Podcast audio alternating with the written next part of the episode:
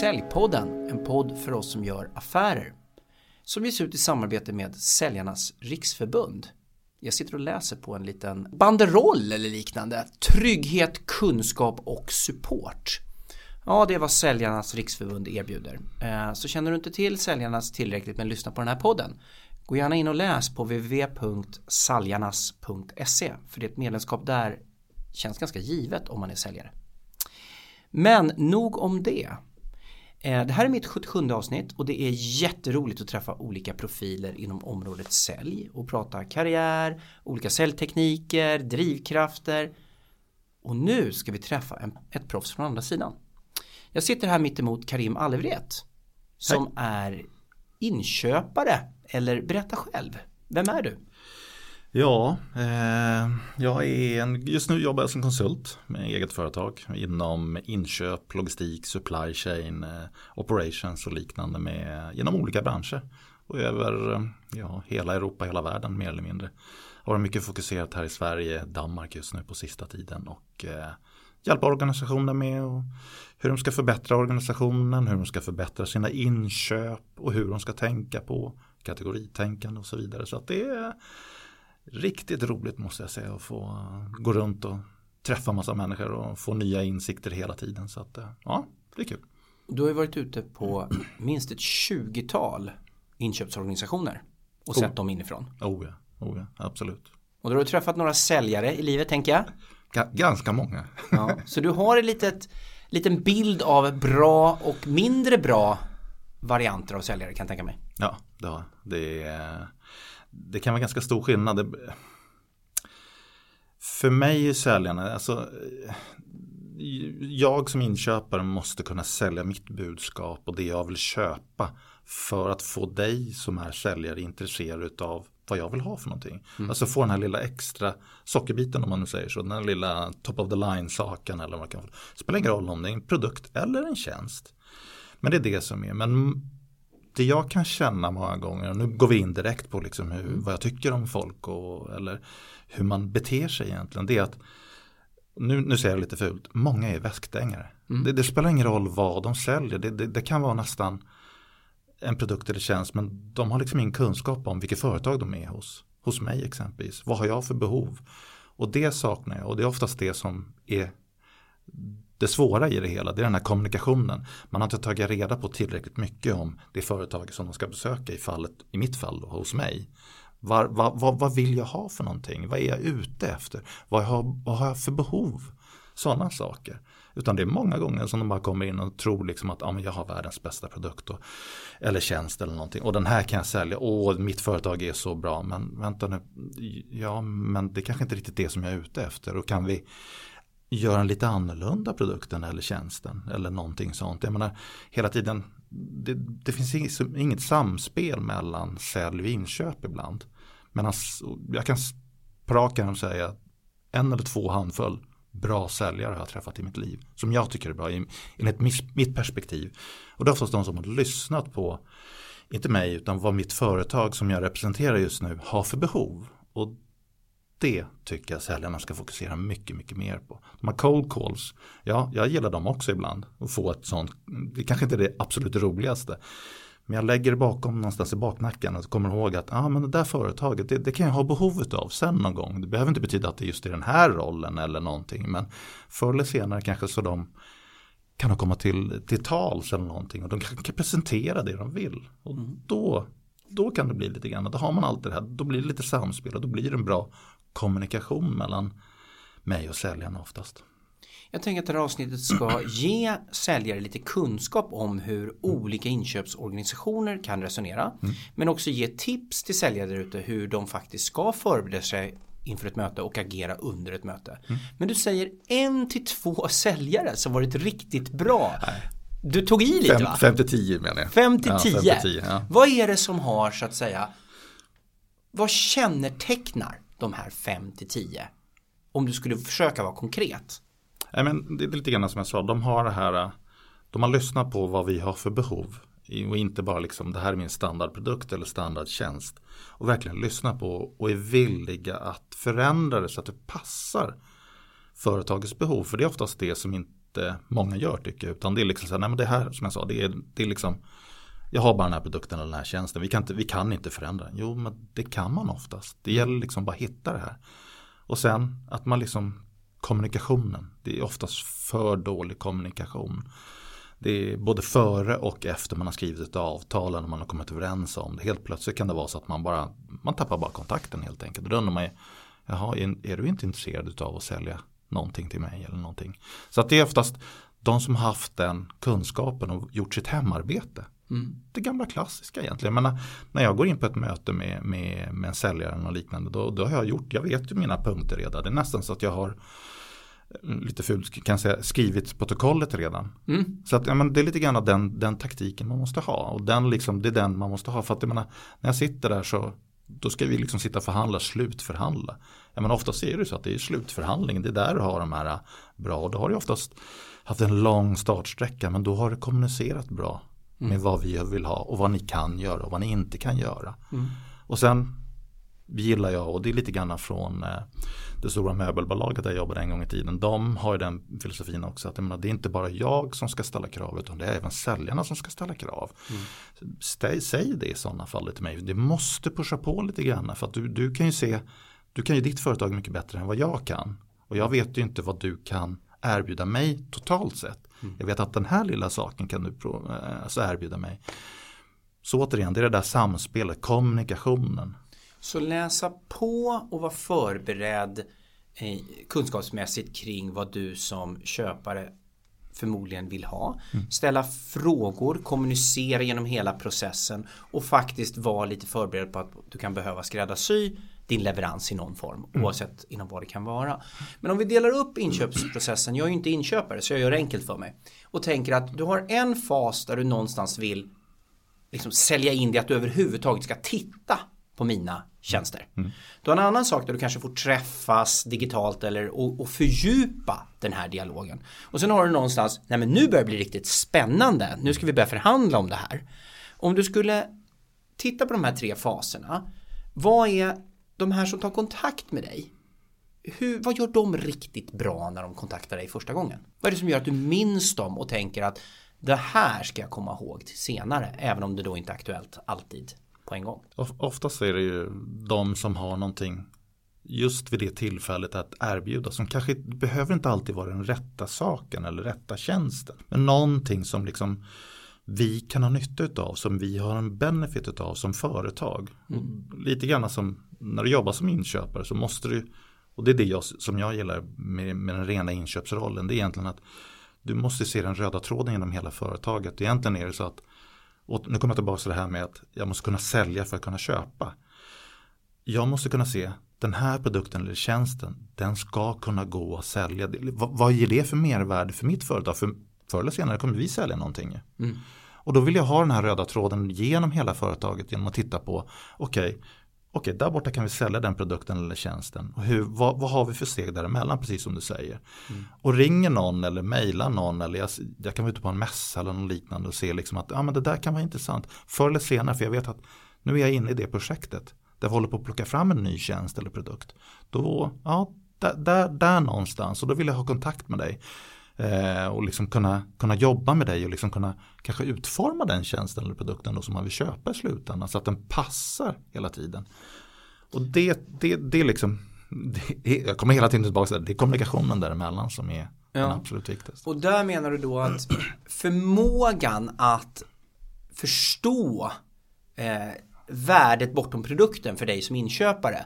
Är det viktigt redan då så att säga i den första initiala delen av av ja. säljprocessen. Ja, mm. När du väl är på mötet då, vi säger att du har gått igång på den här personen och produkten eller tjänsten och ni sitter i ett möte för att liksom en fördjupa en dialog mm. i någon form. Vad tycker du är liksom det värsta du har sett eller versus det bästa du har sett? Är det någonting du skulle kunna utveckla där? Vad gäller säljarnas förmågor och beteenden? Ja, ja men det är, det är återigen det som jag sa, det är när man inte lyssnar på vad man vill ha för någonting utan man mm. bara kör sin mainstream istället och låter det gå och tycker att den här produkten eller tjänsten är, åh, oh, vi har världens bästa sak, men ja men det passar inte oss.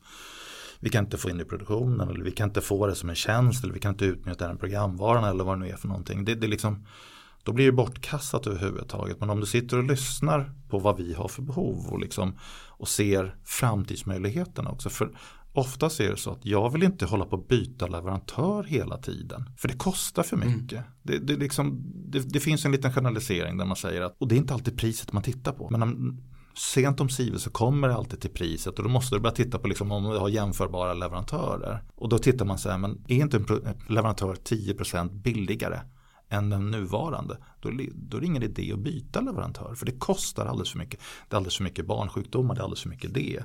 Mm. Men samtidigt är det så att du måste, om vi kommer tillbaka till frågan, se möjligheterna framåt också. Det långsiktiga det är jag ute efter. Det tror jag att de flesta egentligen är ute efter på ett eller annat sätt. Man vill ha långsiktiga relationer med leverantörerna. Mm. Oftast är det inte så att, och som dagsläget är idag, jag menar med, med eh, pandemin och allting, så jag menar, du har inte råd att ha en leverantör. Du måste oftast ha minst två leverantörer och kanske titta på olika världsdelar eller vad mm. det är för någonting. Och gärna så lokalt som möjligt. Ja visst, absolut ur miljösynpunkt är jättebra men eh, ja, det är oftast de bitarna som är det absolut viktigaste.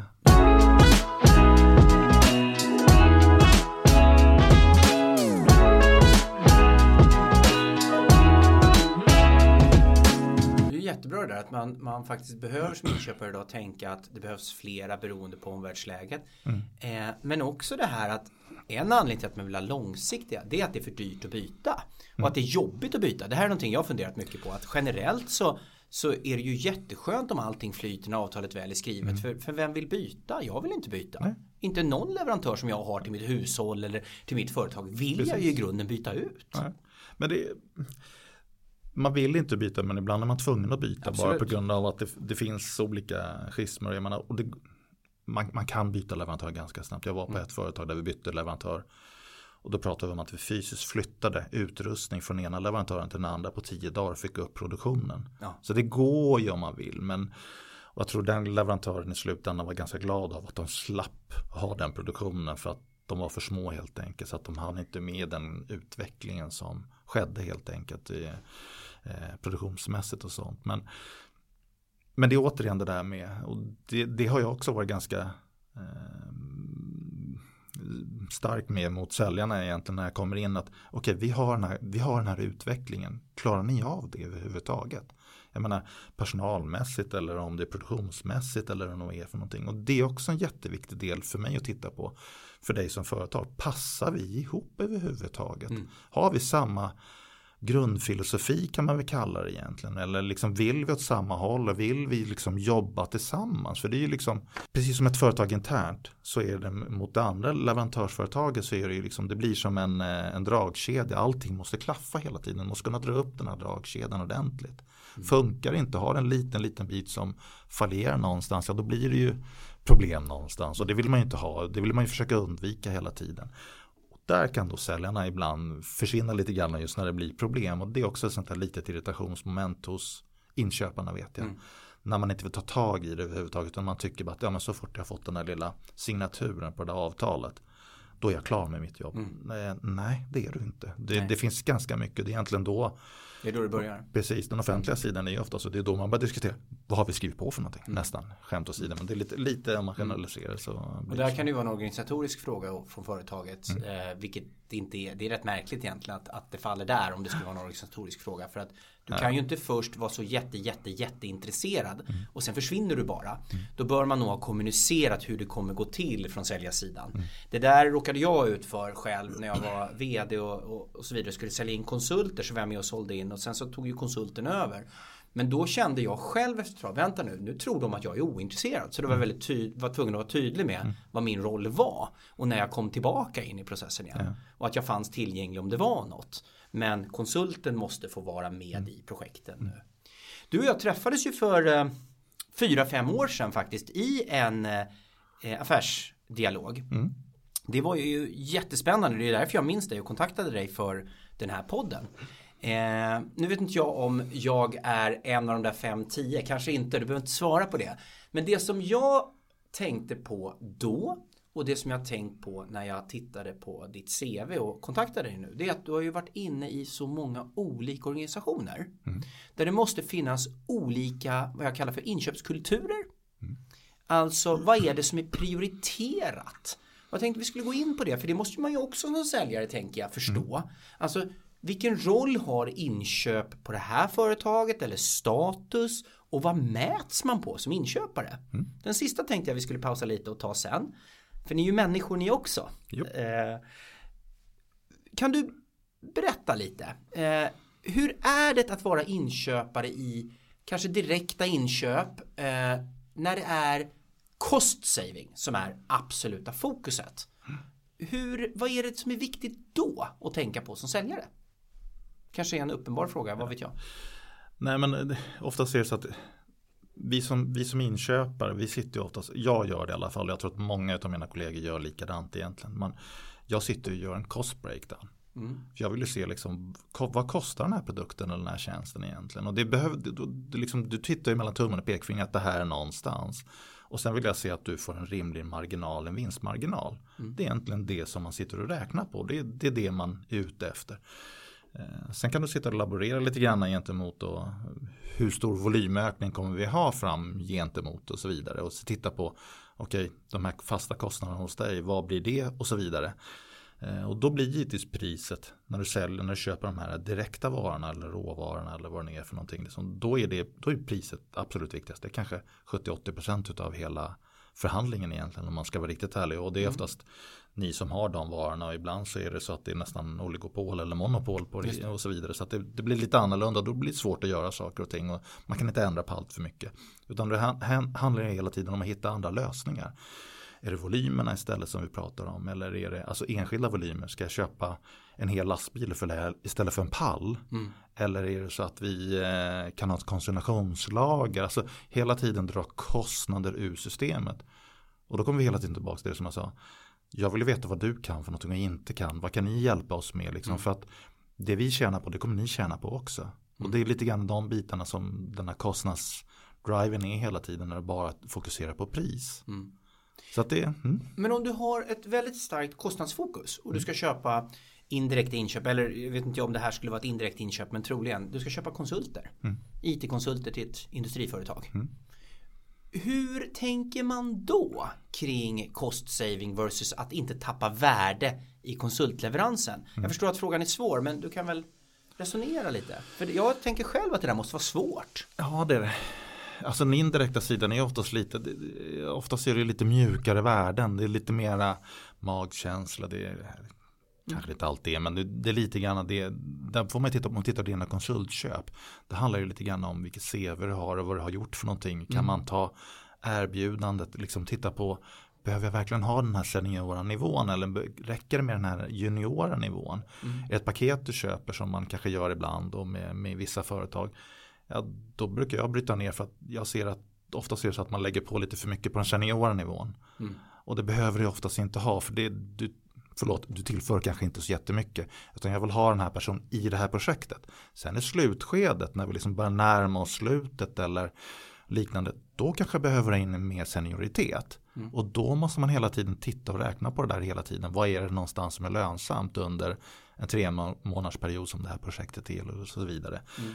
Och då är det, kommer vi tillbaka till det, det, det är de här mjuka sakerna. Då måste du verkligen titta på, får du en bra magkänsla, får du liksom en bra kommunikation med mm. de här. Och, kan du lita på det du får? Och där måste personen? priset bli svårare att bedöma då? Absolut. Eftersom du säger att det också blir en magkänsla. Nej. Och då kommer jag till den här frågan. Vad mäts ni på mer då? I en sån situation? Är, är det någonting, alltså betalningsdagar? Eh, Ja, men då, då, kommer vi tillbaka till det där igen. Ofta, ja visst, det man mäts på oftast är ju hur mycket cost savings man gör. Mm. Och där går det ju alltid att göra. Det går och man kan ha olika, om det är indirekta besparingar eller direkta besparingar och så vidare. Jag, jag personligen tycker att det är, du ska jämföra med det priset du har idag kontra det som du får sen. Det. det. är det som är egentligen det viktiga. Inte vad marknadspriset är just nu eller liksom du, kan, du, du kommer alltid hitta en leverantör som är skitdyr. Mm. Och sen så och kolla vilken besparing jag har gjort. Det, mm. det tycker jag är fult. Det, tycker mm. det, det, är bara, det är inte bra överhuvudtaget. Utan det, det är inte seriöst heller. Framförallt inte mot den leverantören som du bara plockar in en, en offert ifrån för att liksom, du vill ha det här dyra priset för att kunna visa åh vilken besparing ja, just det, Och det, då blir det helt fel. Utan, och då måste du liksom samtidigt med den säljaren eller förlåt, den, det bolaget som du egentligen vill jobba med. Mm. Det blir inte seriöst mot dem heller tycker jag. Utan då, då liksom det, det, du får inte den här lilla, aha okej, okay. ja men jag kan tyvärr inte göra något mer från säljbolaget. Men det är egentligen det jag vill jobba med. Hur ska jag då få ut den här lilla extra saken ifrån den här lilla benefiten eller vad det nu kan vara för någonting. Eller mm. den personen om det nu är en konsult exempelvis. Så det, det är mycket sånt. Eh, men oftast är det besparingarna som vi mäts på. Och där kan jag se skillnaden gentemot säljkåren. För där är det ju, de får ju på säljkontrakt och så vidare. Mm. Jag har varit på en, en organisation exempelvis där säljarna har fått, de skrev ett kontrakt. Bra, oftast är det ganska långa projekt och så vidare. Men eh, och sen efter ett och ett halvt år när man ska dra igång det. Ja då har man bara dragit, ner, dragit bort allting eller man har liksom stoppat hela projektet och det blir ingenting av. Men sällan har fortfarande fått sin lilla bonus. Jaha, okay. Mm. Så det är, lite, det är lite, lite blandat däremellan. Men jag personligen gillar den filosofin överhuvudtaget. Att det man ska mätas på det är visst kostnadsbesparingar och så vidare. Men samtidigt tidsbesparingar. Framförallt om det är en producerande företag. Mm. Hur mycket tid kan vi spara genom att ändra på processen eller inköpet eller vad det nu är för någonting. Det, det kan vara små saker ibland. Mm. Återigen så är det en win-win situation mellan mig och det säljande företaget. Mm. Eh, och det som jag kan bli lite, om man nu tittar på det rent, som inköpare så måste jag ha koll på hela företaget. Jag måste verkligen ha koll på hela företaget. Eh, Medan vi inte har samma utvecklingsmöjligheter vi, vi utbildas inte lika mycket som säljarna. Vi, går inte, vi åker oftast inte på kickoffer och så vidare och sådana saker. Men säljarna, och nu kommer vi och det har haft många diskussioner, många företag med just med inköpsorganisationerna, vilket är lite lustigt att när säljarna får ett bra avtal, man lyckas få ett bra företag, ett stort företag, och kolla det här, jag har fått det stora möbelföretaget eller det stora telekombolaget eller vad det kan vara för någonting. När man skriver på ett avtal.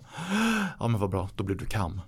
Mm. Ja, ett år senare så har du skrivit ett nytt avtal igen och du har skrivit lite bättre. Ja men då blir det försäljningsdirektör. Mm. Men inköparen är fortfarande kvar där. Mm. Och fortfarande kanske gjort en jättebra besparing till företaget. Mm. Oftast är det så. Nu generaliserar jag lite grann. Om jag sparar en krona så måste en säljare sälja för 100 kronor mm. för att få samma besparing. Mm. Och börjar man då titta på det företaget man jobbar inom och titta på den här generella, den allmänna, vad är snittförsäljningen?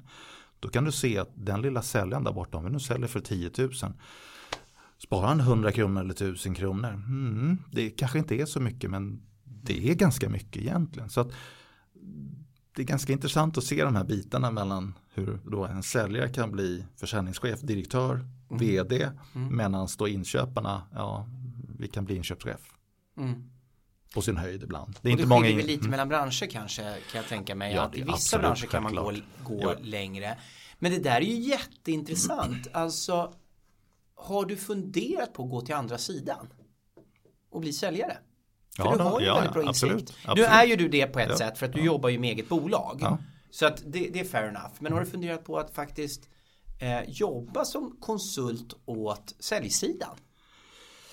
Nej, men jag har varit inne på några uppdrag eh, där jag ska jobbat egentligen som kam eller mm. liknande. Mm. Just på grund av att jag har den, kanske det är just den kunskapen och liknande. Mm.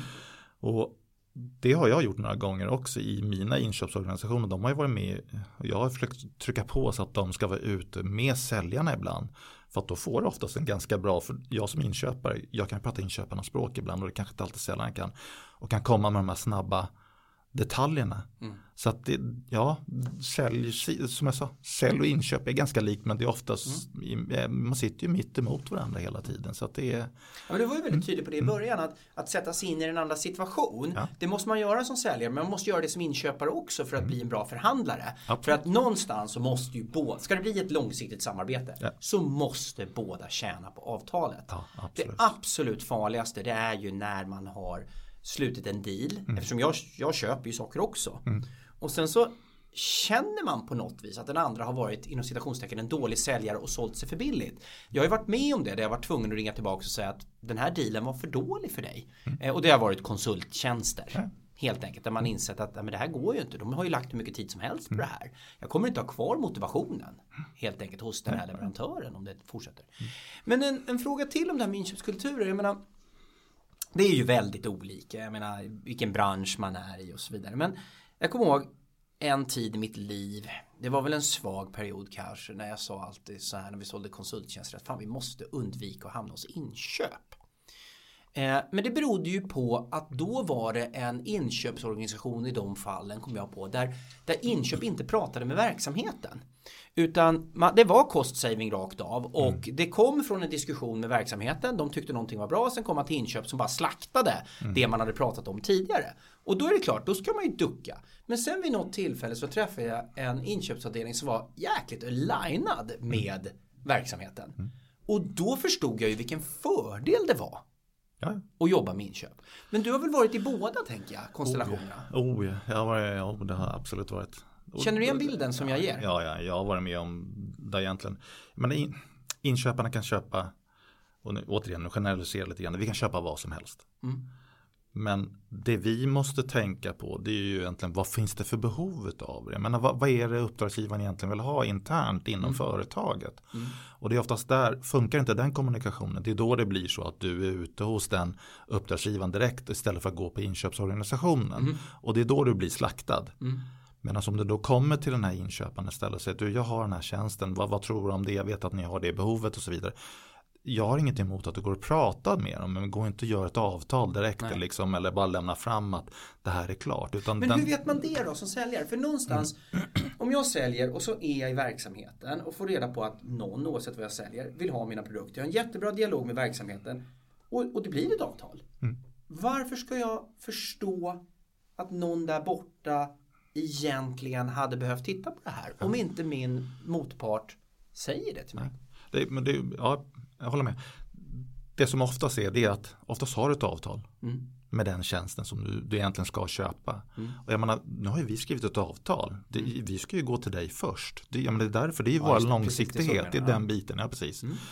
Medan, och du säljer, går till, alltså uppdragsgivaren går till en, eh, en likvärdig leverantör. Mm. Det är då det blir fel. Om mm. de kommer överens. Och det har jag varit med om flera gånger. Jag en HR-avdelning exempelvis som har, mm. har sagt att ja, men skriv det här avtalet med de här för det, det är den tjänsten som vi behöver. Mm. Och sen när man har skrivit på avtalet så kommer man tillbaka och säger du jag skulle vilja testa den här leverantören. Ja men vänta, v vad säger du? Vi har ju precis kommit överens om att vi ska ha det här. Det funkar inte, Hur, vad, vad tror du de kommer säga? Mm. Alltså då har vi inget långsiktigt alltså, Precis, och där sätter ju ditt namn på, sp på ja, spel ja, också då, då som ja. en motpart. För att mm. alla säljare är ju inte onda utan många sitter Nej. ju där med goda avsikter också. Tecknar ett avtal och sen helt plötsligt får man reda på att alla den, all den här förhandlingen den var inte värd någonting Nej. för att. Å andra sidan som säljare så kan jag ju vara ödmjuk och säga det att på samma sätt som när man kommer in på sidan och man vet att man kommer på sidan så kan man ju åka ut på sidan. Absolut. Just för att man vet ju någonstans också att man mm. kanske har undvikit inköp i det fallet då och borde ha varit där, kanske ställt den frågan.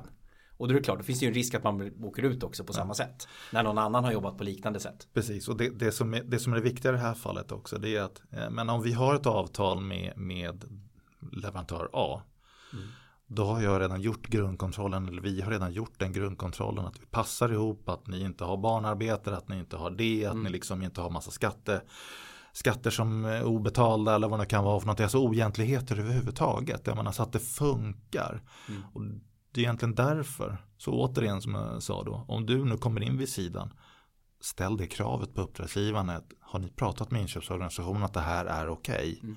Alltså, för då, får, då, kommer du att få en jättebra dialog tror jag med inköp. Mm. För det, det, är liksom, det är det, bra. Jag vill inte göra någonting egentligen om inte du har pratat med dem. För det är, återigen, det, det, det är oftast deras ansvar. Mm. Att liksom signa med, med leverantören och, och så vidare. Och hitta det som passar bäst för företaget återigen. När jag hörde dig prata så kände jag spontant att vi ska ge oss in i en liten lek. Den kan ju sluta precis som alla lekar, precis hur som helst. Mm.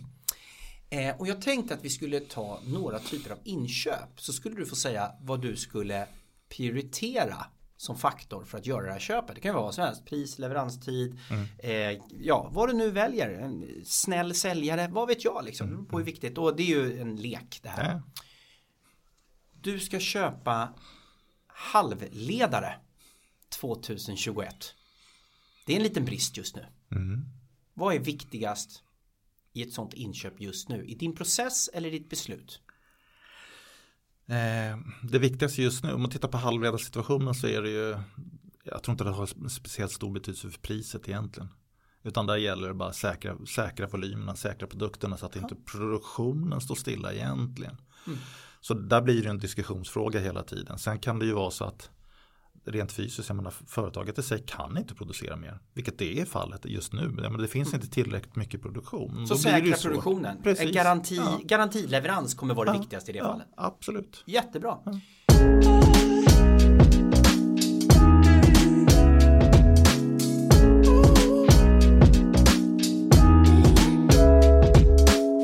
Pasta till en ICA-butik. Mm.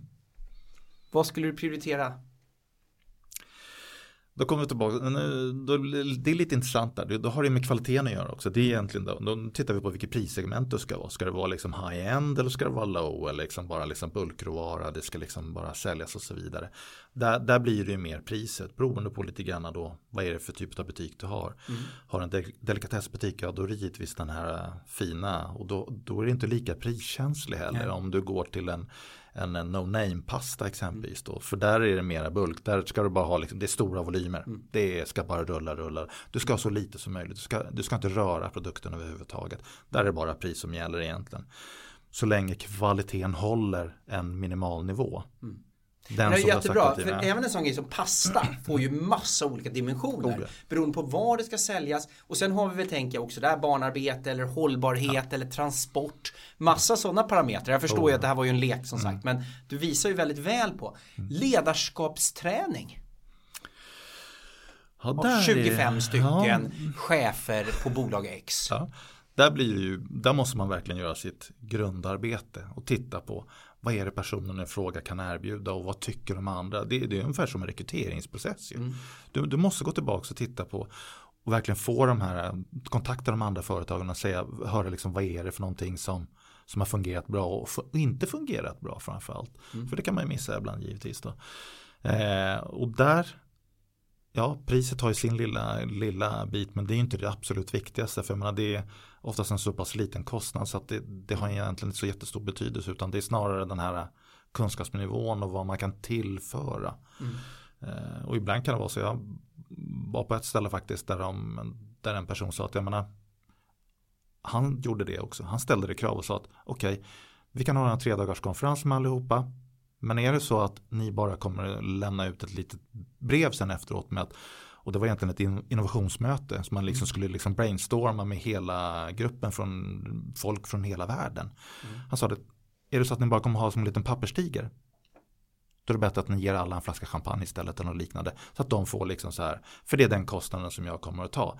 Men är det så att ni vill jobba med det här och fortsätta med det här, då kommer jag hjälpa till lite grann gratis vid sidan om efteråt. Mm. Och då blev det mycket mera, ja, då blev det inte så dyrt helt plötsligt. Utan Nej. då blev det liksom, den här personen ska vi ta. Mm. Och den kunskapen och det som den personen kunde tillföra. Och där visade ju personen kreativitet absolut, där absolut. i att skräddarsy en leverans. Och ja. jag tycker inte det är så ja. konstigt att säga att jag finns där utöver som ett mm. bollplank. Mm. Personen har gjort en, en kalkyl mm. på att han förmodligen inte kommer behöva stå. Eh, alltså det, det, det, ligger liksom i paketet. Nej, eh, man betalar för allt, det är frågan om bara var någonstans ja. man gör det. Sen, sen, är det ju så, nu kommer vi tillbaka till med kostnaden är inte alltid det viktigaste. Alltså det, det är allt det där runt omkring. Jag menar, en kostnadsbild kan man alltid ändra på på ett eller annat sätt. Du, du kan skära där, du kan göra det. Men det gäller att hitta de här bitarna. så att totalkostnaden, det är det som vi inköpare egentligen tittar på. Vad är det liksom från, från A till B? Mm. Vad, vad, blir totalkostnaden för oss oavsett om det är en tjänst eller en produkt? Mm. Det är det som är absolut viktigast att vi får. Jag menar jag har varit med om där haft städupphandlingar där där uppdragsgivaren egentligen inte vetat vad de har velat köpa. De har liksom velat att man ska städa toaletterna mm. sex, sju gånger om dagen på ett kontorslandskap. Aha. Och du ska ha det och det. Men vänta mm. nu, du har egentligen inte behovet av det. För att då är det, det är som att gå in i en operationssal. Ja. Så rent vill du inte ha, behöver du kanske Nej. inte. Så det, det är hela tiden den här behovsanpassningen från inköpssidan. Och det är det mm. som, som är lite intressant. Och då, det är det som är kul också. Mm. Ja, absolut. Mm. Och det tror jag nog för alla parter. Två till ska vi ta. Mm. En till som jag tar mm. och en till som du ska få välja. Vad gäller ett inköp som är riktigt roligt. Ja. Det är möjligt att det skulle kunna vara det här. Men jag säger elleverantör till kontoret. Oj. För vi pratade om det i förra avsnittet av Säljpodden, eller om det är förrförra, eh, kring den produkten, att sälja den produkten. Så vad skulle du som inköpare Det, är- jag tror att det handl- där handlar det mer om att jag menar, elpriset i sig kan du inte göra speciellt mycket med. Du kan inte göra så mycket med nätpriserna heller. Den som distribuerar. Där det du kan titta på det är egentligen så här, vad står mitt företag för? Ja. Står vi för st- sustainability eller vad det nu kan vara för någonting? Vill vi ha grön el eller något liknande eller är det okej med att vi har kolel eller gaseldat eller vad det kan vara för någonting? Då är de parametrarna mycket, mycket viktigare att titta på. Liksom, vad, vad har ni för liksom, det säljande bolaget? Vad, vad, vad säljer de för någonting? Hur mycket har de från den biten och så vidare? Utan att egentligen göra någon större impact på miljön som det mycket är i det här fallet. Och när man tittar på det rent konkret i alla fall. Men återigen, det är, man måste göra sitt förarbete hela tiden. Det är det vi, Ja men det är vi pratar om. Vi pratar Absolut. mycket om det. Påläst Ja. och påställd Ja. pratar jag om med allting. Okej, det roliga nu då som du väljer själv. Någonting som är riktigt kul att köpa. För det ser ut som det har brunnit till lite grann i dig när du har suttit och pratat om några av de här exemplen. Men om du skulle få välja bland de här eller något eget. Vad är det riktigt liksom, ah, det här är spännande. Nej, jag, jag, det jag personligen tycker det absolut roligaste det är att köpa en, en eh, produkt. Mm. Och när man varit med, för ofta är det så att jag, och det är det som jag säger in, som inköpare, man vill vara med redan från idéstadiet. Mm. För det är då jag kan göra mitt absolut bästa jobb för att liksom säkerställa att vi verkligen får det bästa materialet, den bästa produkten, den bästa kostnaden, hitta den bästa leverantören eller leverantörerna och så vidare. Och där vill ju säljaren vara med också. Absolut, ja. Det är det som är så himla viktigt. Där vill ju säljaren vara med också. Vi slåss ju för att få komma dit. Vi har ju samma strid här. Ja, och där brukar jag i alla fall vara sån att jag har redan i mitt huvud, jag vet vilka jag vill kontakta och det är därför jag säger det där med cold call ibland. Det kan vara ganska bra för då har jag dig redan. Vi kanske inte har behovet av det just nu men jag vet att förr eller senare så kommer vi att köpa det eller som jag sa vi har precis startat den lilla diskussionen internt innan det blir, vi liksom börjar realisera ett projekt och liknande. Vad bra, då kan jag ta kontakt med den organisation. Och det tycker jag är kul. Och återigen det här lilla, den här lilla röda tråden som går genom hela företaget. Liksom från det att du hittar på någonting till det att du verkligen eh, liksom har den ute hos en kund och du får en, en kundnytta som, som är alltså, jättekul. Jag menar jag har varit med återigen på det här stora möbelföretaget och i hela deras food service där. Och var med och gjorde om allting från början och fick vara med och bygga upp hela den organisationen. Vi var ganska få från början och när jag, slu- jag menar, går vi då från 300 miljoner euro till en miljard på fyra år i omsättning. Och då gått från att ha brandade varor till Ikea-varor. Nu sa jag namnet. Eh, men det, det, det säger ganska mycket. Det, det är ganska kul, hela den processen. Jävligt jobbig.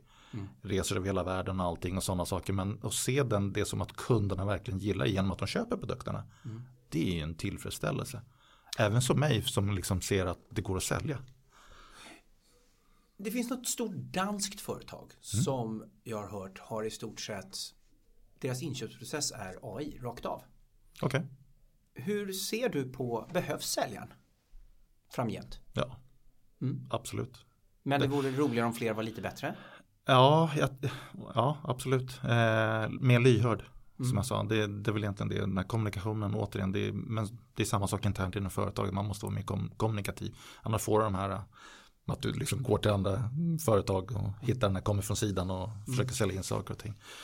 Ja, jag tror jag, ja, det kommer komma mer och mer, men jag tror att det kommer ta ganska lång tid innan eh, du hittar de här processerna. Men det kommer alltid behöva inköp, det kommer alltid behöva sälj tror jag, rent fysiskt. Så Det- AI kommer lite mer och mer. Men vi har konstaterat här nu i den här podden tycker jag att säljarna behövs.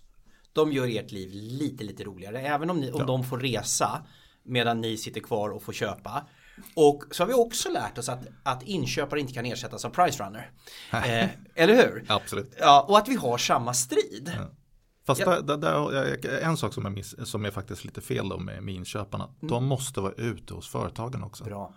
Man måste, för det är där du ser Mm. vad de kan göra. Vad de, vad de har för kapacitet överhuvudtaget. Liksom. Och det spelar ingen roll om det är ett teknikföretag eller om det är en producerande Mm. enhet eller ett tjänsteföretag. Du måste vara ute och titta på de här. För det, det är då du förstår de här. Och som säljare så blir man överlycklig både av intresse ska jag säga, rent liksom på, på äktheten där. Ja. Att få komma in och se fabriker eller eller kontorslokal eller vad det nu må vara så känner jag wow. Dessutom råkar det säljtekniskt vara väldigt bra för att de ger, man ger inte tillträde till alla lokaler till vem som helst. Jag kommer så väl ihåg när jag fick tillträde till en lokal och kände yes, fan det är klart nu. Eh, det här får inte alla se. Men det är en liten sådär, en liten reflektion från mitt liv.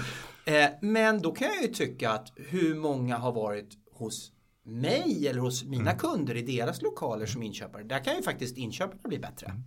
Men det, ja, det, det, håller jag med om. Det, det ska man vara. Mm. Man måste vara det. Men då, då kommer vi tillbaka till det här med det företaget man jobbar på som inköpare. Mm. Vad har de för filosofi? Tycker de att det här är viktigt eller inte mm. med inköp? Mm. Och det kan man se ganska enkelt i och med att ja men vi har alla säljare. Jag har varit med om ett jättestort livsmedelsföretag här i Sverige som har sagt att nej men vi har alla våra säljare eller förlåt alla våra leverantörer kommer till oss. Vi är aldrig ute. Mm. Och då börjar jag undra lite grann, okej, okay, ja, vad händer då om det blir en liten eh, problem med den eh, matbiten eller någonstans mm. då? Det, du har ju liksom ingen koll på hur det ser ut och hur rent har de och så vidare. Ja, det låter lite läskigt. Ja, det, det, det, är lite grann så. Så därför måste företagen förstå att inköparna måste faktiskt vara ute. Det är många företag som har börjat jobba mer och mer med det. Att man är ute eller att du har folk som är ute. Och jag, jag personligen när jag var ute så jag vill gärna gå runt och titta överallt. Mm. Och jag många gånger, framförallt i producerande företag, så har jag faktiskt hjälpt dem. För att oftast är det så att du blir också lite hemmablind. Mm. Och jag har liksom sagt till dem, varför har ni processen sådär? Om ni gör det på det sättet så kanske ni snabbar på processen eller ni får ut en bättre kvalitet eller något liknande. Mm. Och jag, vissa företag har verkligen lyssnat på och ändrat på processerna. Och det har liksom gjort att de har sänkt sina kostnader, fasta kostnader och så vidare. Mm. Vilket i sin tur då leder till att jag menar, ja, okej, jag kan få en liten några ören billigare produkt eller vad det är för någonting. Och det är ju liksom, återigen, det är win-win. Jag menar, jag, jag vill ju också ha så billigt, jag vill att ni ska funka så bra som möjligt. Mm. På säljsidan eller producerande företag. Så jag menar, det, det, det, man måste vara ute. Det här var ju superkul. Vad ska du göra nu? Du ska på någon, fira 50 år? Nu ska jag på 50-årsfest ja. Det ja. Är, vi ska lyssna på Bo Kaspers och sen ska vi ut och käka och vi har inte träffats på två år så att eh, ja. det blir kul gamla killgänget. Så att eh, ja, det blir riktigt trevligt måste jag säga. Ja, det är, vi är ju en tid nu där vi förhoppningsvis kommer kunna ses mer och mer. Vad mm. härligt. Mm. Jätteroligt avsnitt där vi faktiskt summerar med att inköp och sälj behöver varandra så ducka inte varandra. Vi kan inte ersätta inköp rakt av med AI och Price Runner men vi kan definitivt inte ta bort säljarna. Det är en jäkla härlig yrkesgrupp som bidrar med värde varje dag. Eh, det var min summering av det här och eftersom jag har slutordet så, så blir det den som gäller. Stort tack för att du var med. Tack själv. Och stort tack till er som lyssnade. Eh, ha en underbar affärsvecka.